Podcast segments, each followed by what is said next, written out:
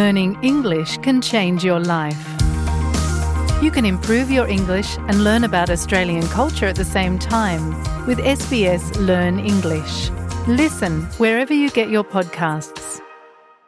أنتم برفقة اس بي اس عربي 24 يصبح اختيار نظام التدفئة المناسب لمنزلك أسهل عندما تطلع على العروض المتاحة وإذا لم تتمكن من تغيير نظام التدفئة لديك فهنالك طرق لتحديثه بما يتناسب مع استخدام الطاقة والتكلفة.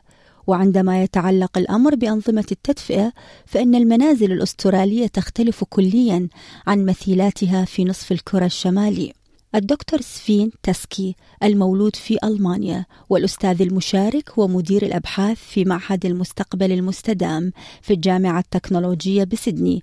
يقول إنه قادم من بلد بارد جدا لكنه لم يشعر بالانجماد في منزله مقارنة هنا في أستراليا. I have to say, I'm coming from a very cold country, but I never ever uh, freeze so much at home as in Australia. Because there's simply no heating system installed. And one of the reasons for that is probably that the heating period is very short. It's only like three months maximum, while the heating period in Europe, where I'm from, is between eight and nine months. So the necessity of implementing heating systems is not really as pressing هذا ما يفسر سبب عدم شيوع نظام التدفئة المركزية في أستراليا وفقا لكريس بارنز خبير التدفئة المنزلية في مجموعة Choice المدافعة عن حقوق المستهلك ومع ذلك لا يزال هذا النظام مرغوبا جدا بين أولئك الذين يفضلون تدفئة المنزل بأكمله Central heating, I don't think is nearly as big in Australia uh, as it is in other parts of the world. When we think of central heating, it's a cover-all term that covers quite a few different things. So a ducted system throughout the home is a form of central heating. You can also have heating in the slab of the home or through hydronic heating, radiators. And obviously, if you want to keep the whole house warm, some sort of centralized system is a good way to go. ولكن على الصعيد الآخر يمكن أن تكون أنظمة التدفئة المركزية أقل فعالية من حيث التكلفة مقارنة بأنظمة التدفئة الاعتيادية المعروفة باسم سبلت. Are relatively expensive to install, and you really want to make sure that you actually want that sort of heating system in your home and that you're using it effectively. It's often more cost effective and energy efficient to only heat the spaces that you're actually using. So that may mean, you know, having for example, a few split systems you know, throughout the home that you can turn on or off as those parts of the home are being used, or indeed a, just a, a simple portable electric heater. ويقول الدكتور تسكي إن هنالك خيارات لأصحاب المنازل الحريصين على التدفئة الخالية من الانبعاثات ولكن لا يمكن للمستأجرين الوصول إلى معظمها بسهولة لأنها تتطلب التثبيت. وتعد المضخه الحرارية واحدة من أكثر الخيارات كفاءة في استخدام الطاقة خاصة عندما تعمل على الكهرباء من الألواح الشمسية. So for it is possible to build or to invest in a heat pump, which uh, operates with electricity. That's the most efficient way if you heat with electricity to heat your home.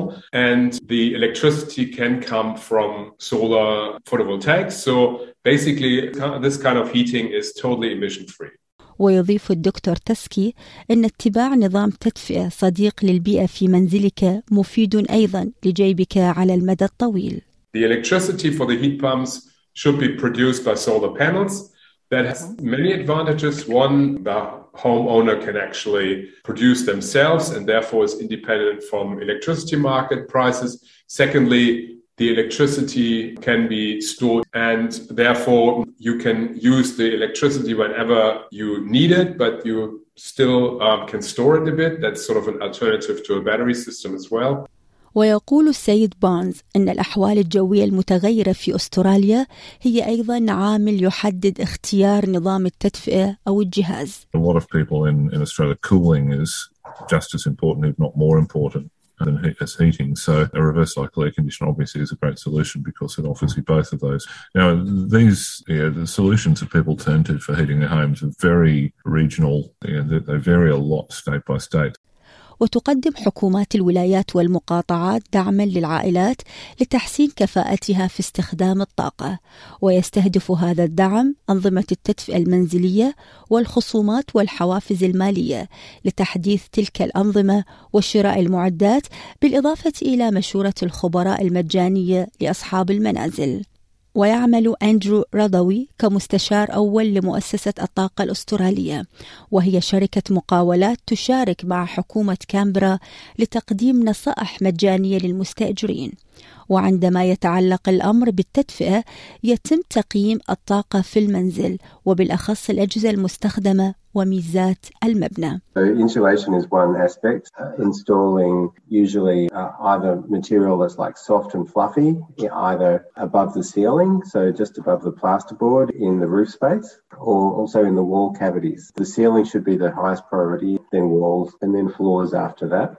ويضيف رضوي أن الاستخدام الفعال للطاقة مهم أيضا. One simple tip is try not to heat more areas than what you need. So if you're only occupying one room, then it makes sense to only heat that room. So you can close doors and try and keep the heat contained. Uh, another tip is to only heat as much as you need for comfort and health and safety. If you are turning up your heater very high to make the room really hot, that's going to have a big increase in your energy energy bill.